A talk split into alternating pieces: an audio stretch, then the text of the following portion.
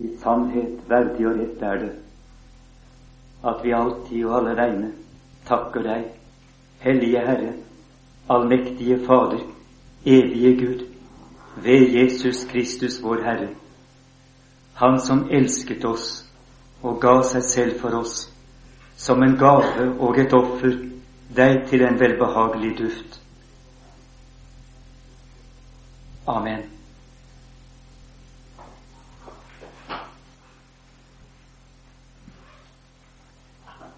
Så dere regnbuen?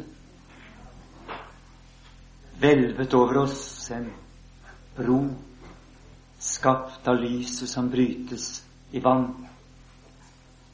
Selve paktens tegn, gitt til hele menneskeheten, ikke bare til de kristne, muslimene og til jødene, men en paktens tegn gitt til hele menneskeheten. Den menneskehet som sammen gikk ut av arken.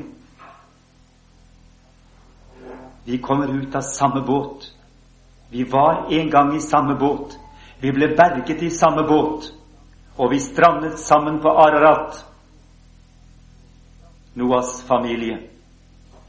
Vi er Noas store familie. Og på Ararat, der var det Noah fikk løfte av Gud.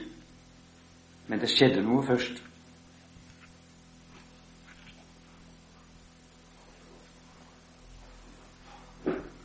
Da talte Gud til Noah og sa, Gå ut av arken, du og din hustru og dine sønner og dine sønners hustru med deg. Alle de dyr som er hos deg, alt kjød, både fuglen og fe og alt krypet som rører seg på jorden, skal du føre ut med deg, og de skal vrimle på jorden og være fruktbare og bli mange på jorden. Så gikk han ut, og hans sønner og hans hustru og hans sønners hustruer med ham, alle dyrene, alt krypet og alle fuglene, alt som rører seg på jorden, gikk ut av arken, hvert efter sitt slag. Og Noah bygget Herren et alter, og han tok av alle de rene dyr og av alle de rene fugler og ofret brennoffer på alteret. Og Herren kjente den velbehagelige duft. Og Herren sa i sitt hjerte:" Jeg vil aldri mer forbanne jorden for menneskers skyld. For menneskehjertets tanker er onde fra ungdommen av. Og jeg vil aldri mer drepe alt levende som jeg nå har gjort. Heretter skal, så lenge jorden står, sæd og høst og frost og hete og sommer og vinter og dag og natt aldri høre opp. Der på Ararat nettopp kommet ut av arken, samlet vi oss, menneskeheten, om ett alter. Og sammen ba vi frem ett takkoffer til Gud for at Han hadde frelst oss gjennom de dype, forferdelige vann. Det var egentlig vi, alle vi, i våre forfedre, som samlet oss omkring ilden og røken og offeret og Gud tok imot det som en velbehagelig duft. Velbehagelig fordi han kjente duften av sitt eget fullkomne offer. Fordi han kjente sitt eget hjertes tanker, hva han ville med denne menneskehet. Det han så i dem.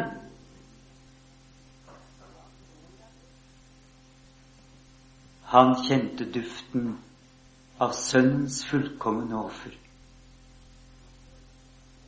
Og så, så hvelvet han regnbuen over dem og ga dem et paktstegn tilbake.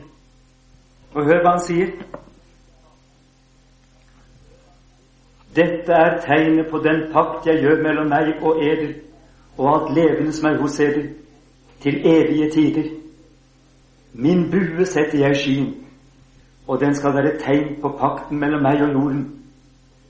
Og når jeg fører skyer over jorden, og buen sees i skyen, da vil jeg komme i hu den pakt som er mellom meg og eder og alt levende av alt kjød, og vannet skal aldri mer bli en flom som ødelegger alt kjød. Og buen skal stå i skyen, og jeg vil se på den og komme i hu den evige pakt mellom Gud og alt levende av alt kjød som er på jorden. Det sier Gud, og det kan vi også se, si. Når vi ser buen viser seg i skyen, når du menneskebarn ser denne skinnende bue vise seg i skyen, da kan du bruke Guds egne ord og si og buen skal stå i skyen, og jeg vil se på den og komme i hu den evige pakt mellom Gud og alt levende av alt kjød som er på jorden. Vi skal minnes det. Gud vil minnes det. Det er et tegn til ihukommelse. Guds paktstegn. Den første pakt han gjorde med oss, med oss alle, med hele den menneskehet som gikk ut av arken. Det er noe å tenke på. Og da, da var vi også alle samlet omkring ett alter.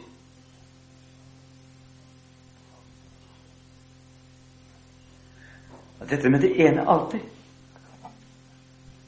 det ble ikke så fort ferdig med. Men nå skal vi gå et helt annet sted i Skriften.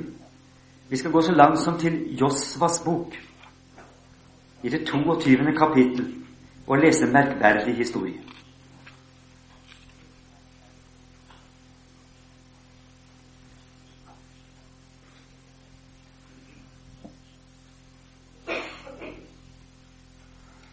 Dere vet at da Israel inntok landet, så var landet det var egentlig det landet som var på vestsiden av Jordan. Det var det egentlige hellige land, det egentlige Kanan. Men alle disse tolv stammene tok ganske stor plass. Og det førte til at Rubens stamme og Gats stamme og den halve Manasses stamme måtte holde seg på østsiden av Jordan. Og de følte seg ikke helt hjemme der. De var liksom i utlendigheten. Men der skulle de bo. Og så skjer det da. Vi kan lese fra vers 10 i Josvas bok 22. Og da de kom til landet ved Jordan, den del derav som hører til Kanans land, bygget Rubens barn og Gats barn og den halve Manasses stamme et alter der ved Jordan, et stort alter som så oss lang vei. Da hørte Israels barn at folk sa:" Se, Rubens barn og Gats barn og den halve Menasses stamme har bygget et alter lengst fremme i Kanans land, i landet ved Jordan, midt imot Israels barn. Og da Israels barn hørte dette, samlet hele Israels barns menighet seg i Silo for å dra opp til strid mot dem. Og Israel sendte Pinehas, presten Eliasas sønn, til Rubens barn og Gads barn og den halve Manasses stamme i Gileas land. Og sammen med ham ti høvdinger, én familiehøvding for hver av Israels stammer, og hver av dem var overhode for sin familie blant Israels tusener. Og da de kom til Rubens barn og Gads barn og den halve Manasses stamme i Gileas land, talte de til dem og sa:" Således sier hele Herrens menighet, hva er dette for en troløshet I har gjort mot Israels Gud, at I i dag har vendt dere bort fra Herren og bygget eder et alter, at I i dag har satt eder opp imot Herren? Var det ikke nok med den misgjerning vi gjorde da vi holdt oss til Peor, en misgjerning som vi like til den dag i dag ikke har renset oss fra, og for hvis skyld hjemsøkelsen kom over Herrens menighet? Og I vender eder i dag bort fra Herren. Sannelig, setter I eder i dag opp imot Herren, vil Han i morgen la sin vrede bryte løs mot hele Israels menighet. Og synes I eders eiendomsland er urent, så kom bare over til Herrens eiendomsland, der hvor Herrens tabernakel står. Eder eiendom midt iblant oss. Men sett eder ikke opp imot Herren, Og sett eder ikke opp imot oss ved å bygge eder et alter foruten Herrens, vår Guds alter. Bar ikke Akan, Seras sønn, seg troløs ad med det bannlyse gods?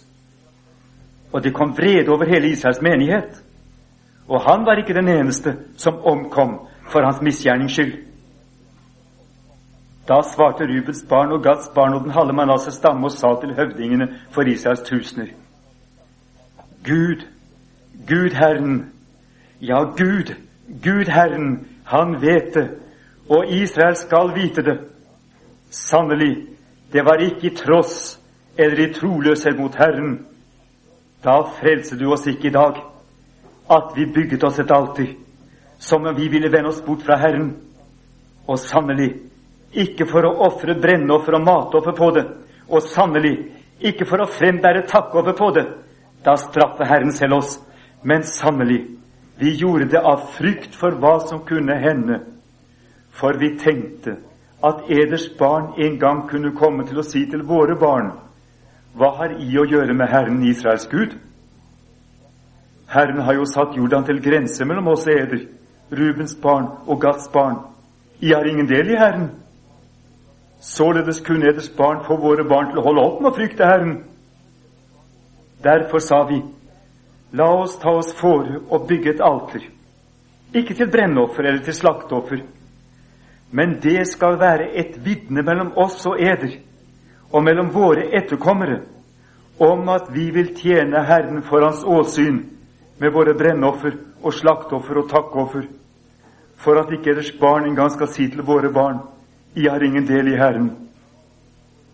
Og vi sa, hvis de en gang skulle si noe sådan til oss og våre efterkommere, da vil vi svare, se på den etterligning av Herrens alter som våre fedre gjorde, ikke til brennoffer eller til slakteoffer, men til et vitne mellom oss og eder. Det være langt fra oss å sette oss opp imot Herren og i dag vende oss bort fra Herren ved å bygge et alter til brennoffer eller matoffer eller slaktoffer foruten Herrens, vår Guds alter, som står foran Hans tabernakel. Da Pineas, presten, og menighetens høvdinger og overhodene for Israels tusener som var med ham, hørte de ord som Rubens barn og Gats barn og Manasses barn talte, syntes de godt om det. Og Pineas, presten Eliasers sønn, sa til Rubens barn og Gats barn og Manasses barn, i dag skjønner vi at Herren er midt iblant oss, siden de ikke har gjort denne troløshet mot Herren Dermed har de frelst Israels barn av Herrens hånd. Så skiltes Pinias, presten Eliasas sønn, og høvdingene fra Rubens barn og Gats barn i Gelias land og vendte om til Kanans land, til Israels barn, og kom tilbake med svar til dem. Og Israels barn syntes godt om svaret. De lovet Gud og tenkte ikke mer på å dra opp til strid mot dem og ødelegge det land hvor Rubens barn og Gats barn bodde. Og Rubens barn og Gads barn gav alteret navn og sa, et vitne er det mellom oss om at Herren er Gud.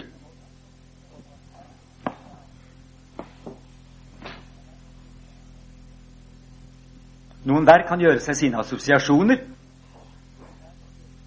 men de beholder vi for oss selv. Men hva var det som var så viktig med det ene alter? Det ene alter sto for den ene Gud, den ene menighet, det ene samfunn i pakten. Det var ikke tenkelig for Israel at de kunne ha to altere. Å bygge et nytt alter, det var skisma. Det var å skille seg fra Guds menighet. Og Israels barn de samlet seg for å føre strid mot disse som de trodde hadde begått et skisma. Det var fryktelig alvorlig å skape en skillelinje midt i Guds menighet. Og dette er en nidkjærhet som alltid har fulgt Guds folk. Det er ikke fremmed for oss heller, selv om vi uttrykker dette på andre måter. Fellesskapet omkring det ene alter, det er noe hellig og stort. Ja, det er det som skaper kirkesamfunn. Det både vet vi og føler vi. Den som setter seg bort i en krok og holder sin egen nattverd når menigheten er samlet, signaliserer noe fryktelig. Det er kommet splittelse i Guds menighet.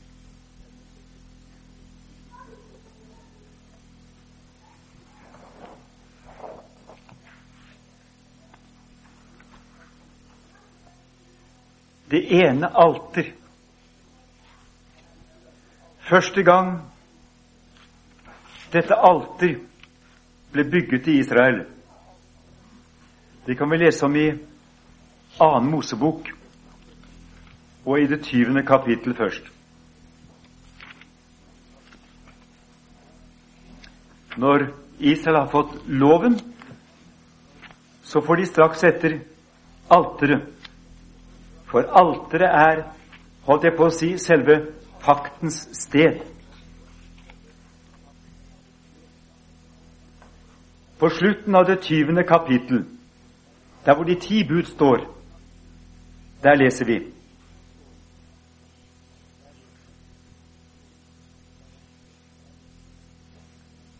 fra vers 24. Et alter av jord skal du gjøre meg, og på det skal du ofre dine brennoffer og dine takkoffer, ditt småfe og ditt storfe. På ethvert sted hvor jeg lar mitt navn i hu komme, vil jeg komme til deg og velsigne deg.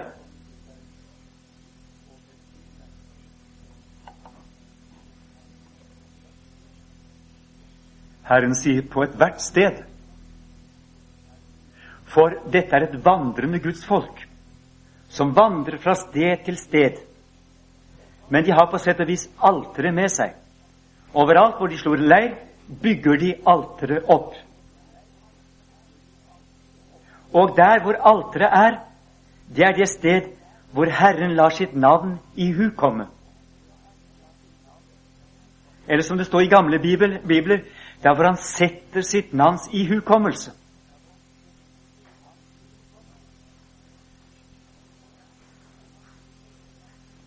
Og der hvor han setter sitt navns i hukommelse, gjennom de ritualer som han selv har innstiftet.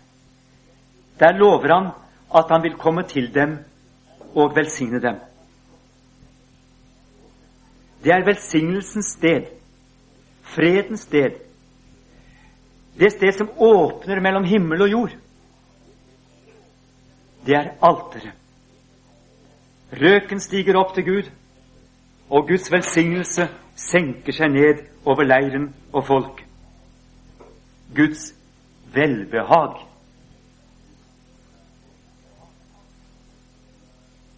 Derfor er dette alter så viktig.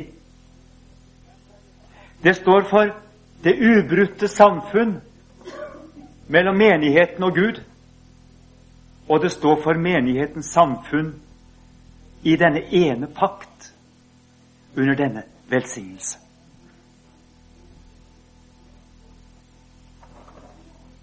Så kan vi gå litt dypere inn på det.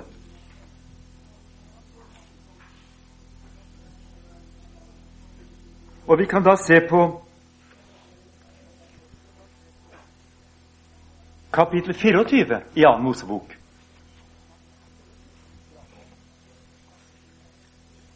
Nå har Gud gitt alle sine foreløpig alle sine bud som gjelder pakten, de paktkonstituerende budene. Og så skal pakten endelig bekreftes gjennom et paktsoffer. Og dette er det første offer vi hører om i Israel. Som paktsfolk. Jeg tror vi leste fra begynnelsen av det 24. kapittel. Til Moses sa Herren, stig opp til Herren, du og Aron, Aron Nadab og Abihu og 70 av Israels eldste, og I skal tilbe på avstand. Men Moses alene skal komme nær til Herren.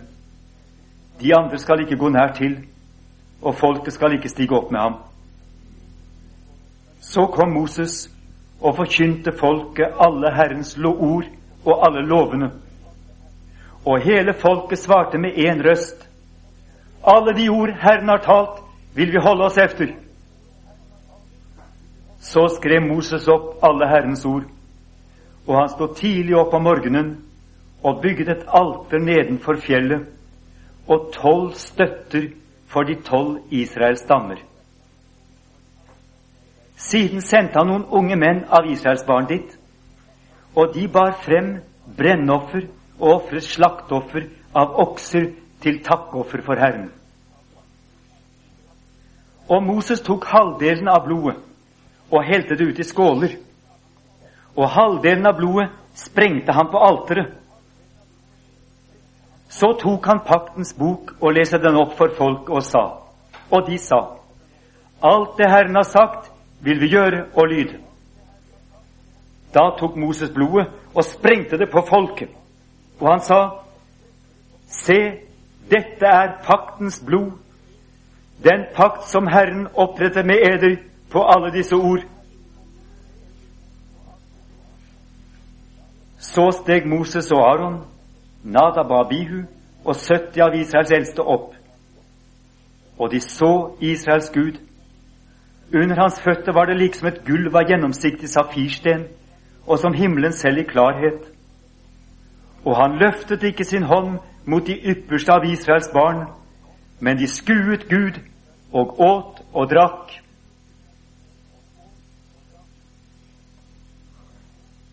Slik ser et paktsoffer ut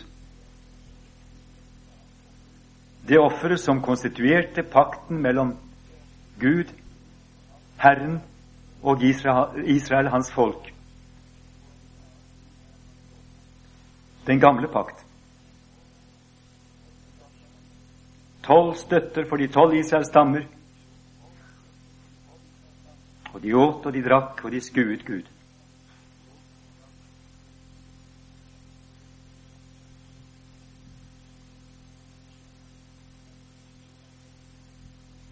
Det er noe som klinger i den teksten, ikke sant?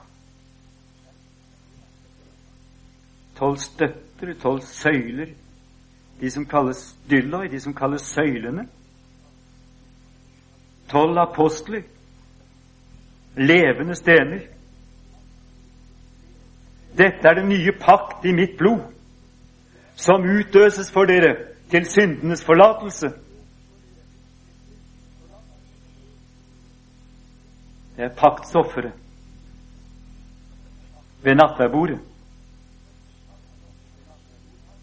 Det første paktsoffer i den nye pakt. Og han sier, 'Gjør dette til min ihukommelse.' For på ethvert sted hvor mitt navn ihukommes, vil jeg komme til eder og velsigne eder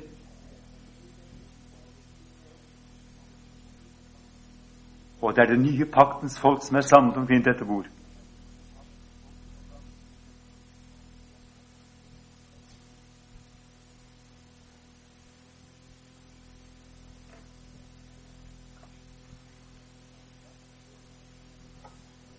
På ethvert sted hvor jeg la mitt navn i hu komme, vil jeg komme til eder og velsigne eder, sier Herren i denne teksten. Fordi det er et vandrende gudsfolk, og det blir så mange steder hvor, offre, hvor alteret reises. Men dette på ethvert sted, det er noe som peker fremover. Det peker fremover mot profeten Malakias, den siste profet i Det gamle testamentet. Den siste profet i den gamle pakt.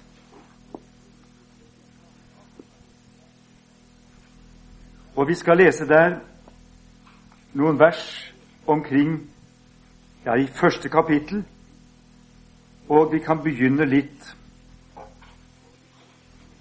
i begynnelsen omtrent. Fra vers 6. Profeten Malakias, det første kapittel, og fra vers 6. Det er dommen over den gamle tempeltjeneste.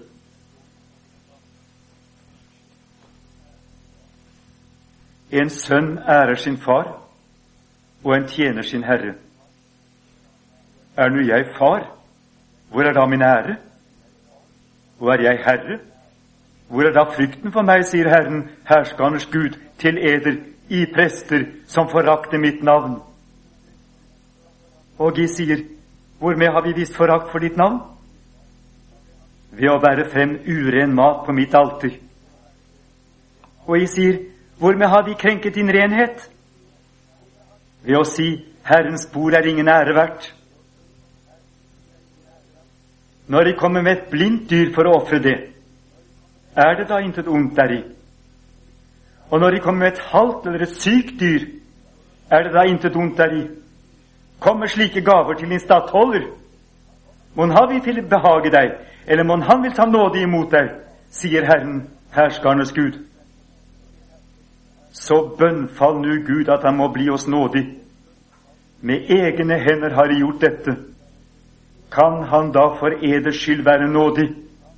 sier Herren, herskernes Gud. Gi det fantes noen blant eder som ville lukke tempeldørene, så jeg ikke skal gjøre opp ild på mitt alter til ingen nytte. Jeg finner ikke behag i eder, sier Herren, herskernes Gud, og til offergave fra eders hånd har jeg ingen lyst. Fra, for fra solens oppgang til dens nedgang skal mitt navn bli stort blant hedningefolkene og på hvert sted skal det brennes røkelse og bæres frem offergave for mitt navn, rene offergaver. For mitt navn skal bli stort blant folkene, sier Herren, hærskarenes Gud.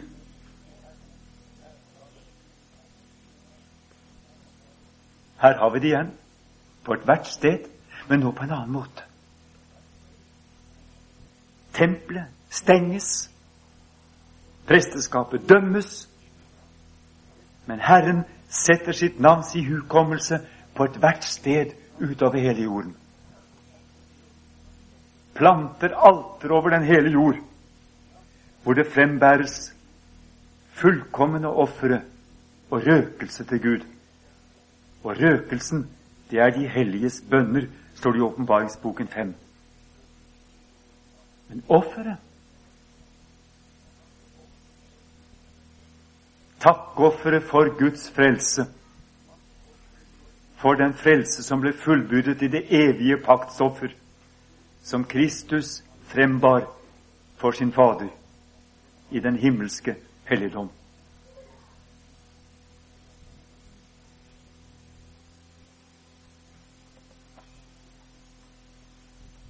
Kan dere huske historien om hvordan Jesus renset tempelet? Det er jo omtrent samme patos som her, ikke sant? Dere har gjort mitt hus til en røverhule. Han går med svøpene inn i tempelet og renser det. I profeten Malakias' ånd Ja, profeten Malakias han har selv profetert det. I det tredje kapittel sier Malakias Se, jeg sender mitt bud, og han skal rydde vei for mitt åsyn. Og brått skal han komme til sitt tempel, Herren som vi søker, paktens engel som vi stunder efter. Se, han kommer, sier Herren, hærskarnes Gud. Men hvem kan utholde den dag han kommer? Og hvem kan bli stående når han lar seg se? For han er som en smelters ild, og som tvetteres lut. Og han skal sitte og smelte og rense sølvet. Og han skal rense Levis barn og gjøre dem rene som gull og sølv. Og de skal bære frem for Herren offergaver i rettferdighet. Og så kommer han til tempelet, paktens engel, Herren Jesus, og renser det. Og hva sier han så, når de spør han, hva tegn gjør du at du gjør dette? Med hvilken autoritet gjør du det?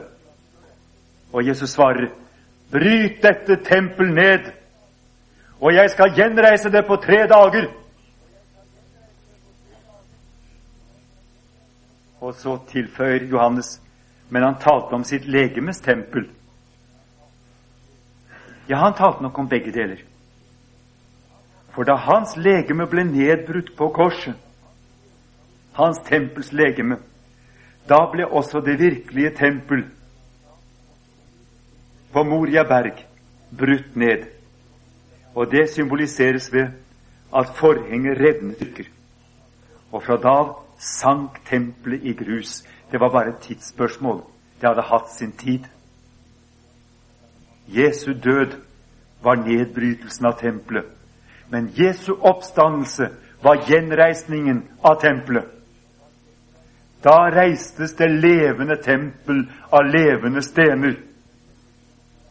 Og så sendte han sine disipler utover i verden for å plante sin ihukommelse på ethvert sted.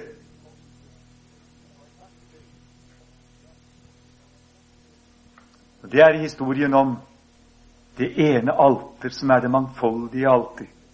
Men det samme alter, for det er det ene offer som Jesus bar frem.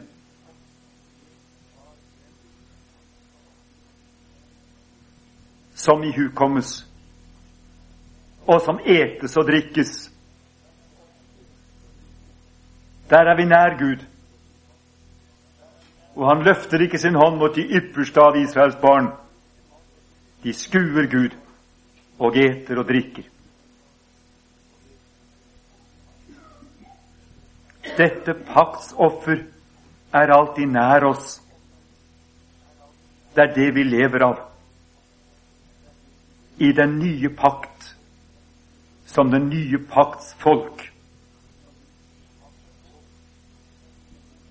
Og loven som ble gitt Moses,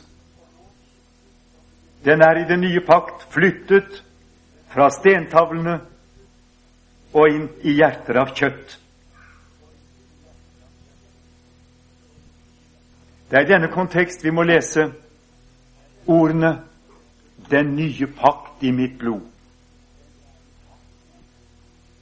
Det er 2. Mosebok 24, det er veldig lett å huske. Og så er det Jeremias 31, vers 31. Samleser du disse stedene, så får du lys over alteret. Det er som to lys på alteret. Vi leser i Jeremias 31.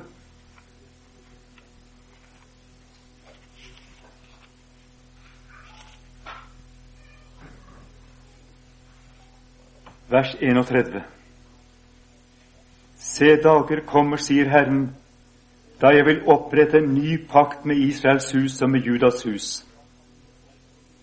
Ikke som den pakt jeg opprettet med deres fedre på den dag da jeg tok dem ved hånden for å føre dem ut av Egyptens land, den pakt med meg som de brøt, enda jeg var deres ektemann, sier Herren.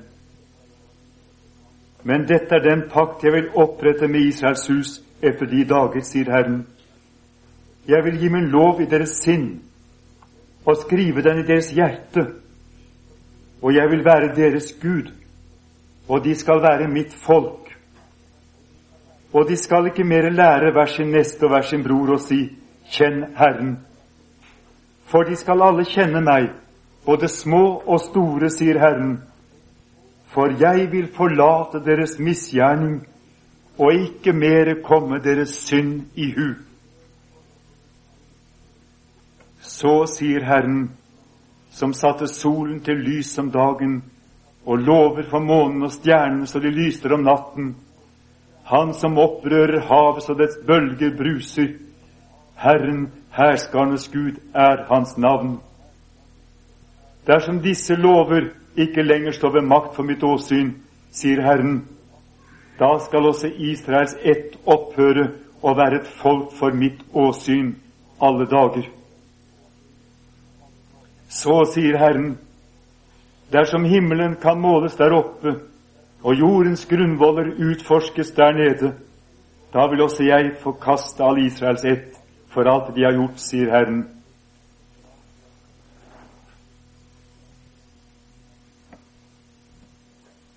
Vi må ikke glemme at det var på Sion i Jerusalem dette bord ble dekket første gang.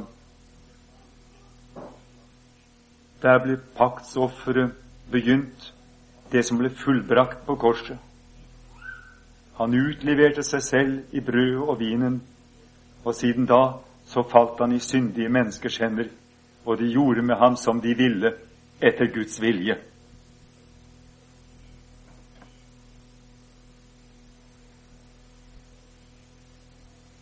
Det står om ypperstepresten i tempelet også det at det var han som begynte ofringen av lammet. Det var han som foretok de forberedende seremonier.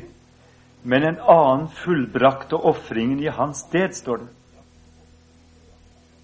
Det var ypperstepresten Jesus som gjorde det forberedende innvielse av offerdyret og overga dyret til døden, dvs. Si seg selv. Men det var en annen, en annen yppersteprest, Kaifas, som fullførte ofringen i hans sted. Eller hvem det nå var. Men det avgjørende var da Herren selv brøt brød og sa 'Dette er mitt legem som gives for eder'. Da skjedde det. Og da han tok kalken og sa 'Denne kalk er den nye pakt i mitt blod', som utgytes for dere til syndenes forlatelse. Drikk! Det var da det skjedde. Fra da av var han helt overgitt. Og dette er det vi lever av til dagenes ende som den nye pakts folk.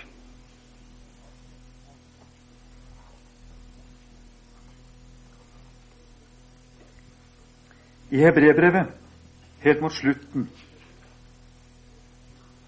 i vers 10, står det noen underlige ord.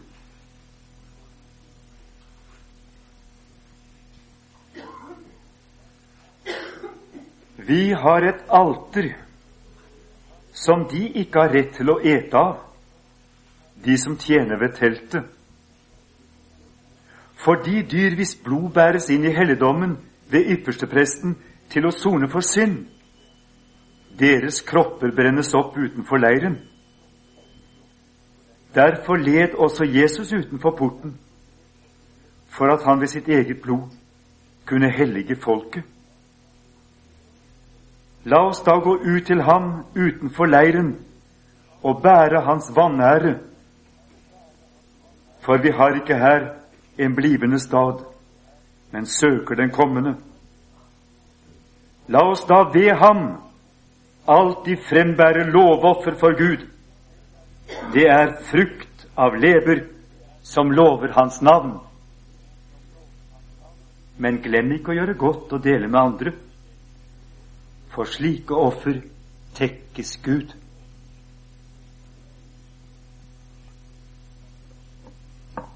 Det forfatteren vil ha frem, er at Jesus er et syndoffer.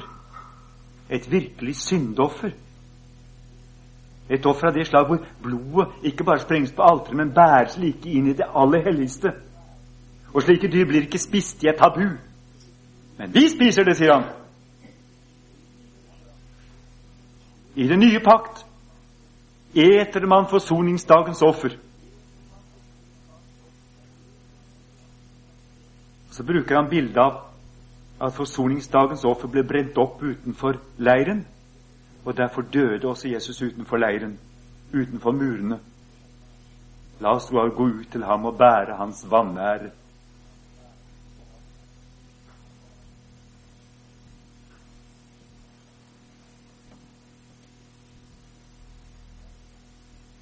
Å gå til nattvers, det er å gå til Herren utenfor porten for å ta del i hans vanære, få del i hans kors, få del i fiendskapet, få del i spotten, få del i alt det som klistrer seg til Kristus av forakt. Det er vi kalt til. Det er vår ære, og det er vår ros. For vi er paktens folk.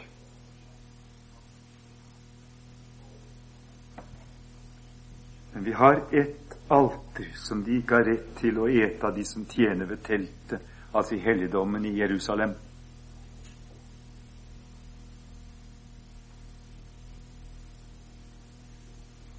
Så eksklusive er vi.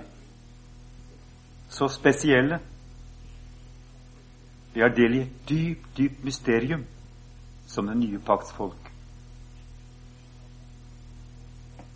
Og derfor opplever vi det alle sammen som noe forskrekkelig når vi ikke kan samles lenger rundt det samme alter.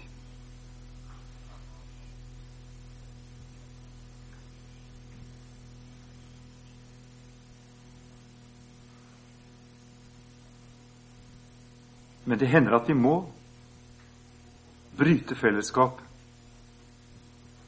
Men det blir da med en fryktelig smerte. Det er så dramatisk.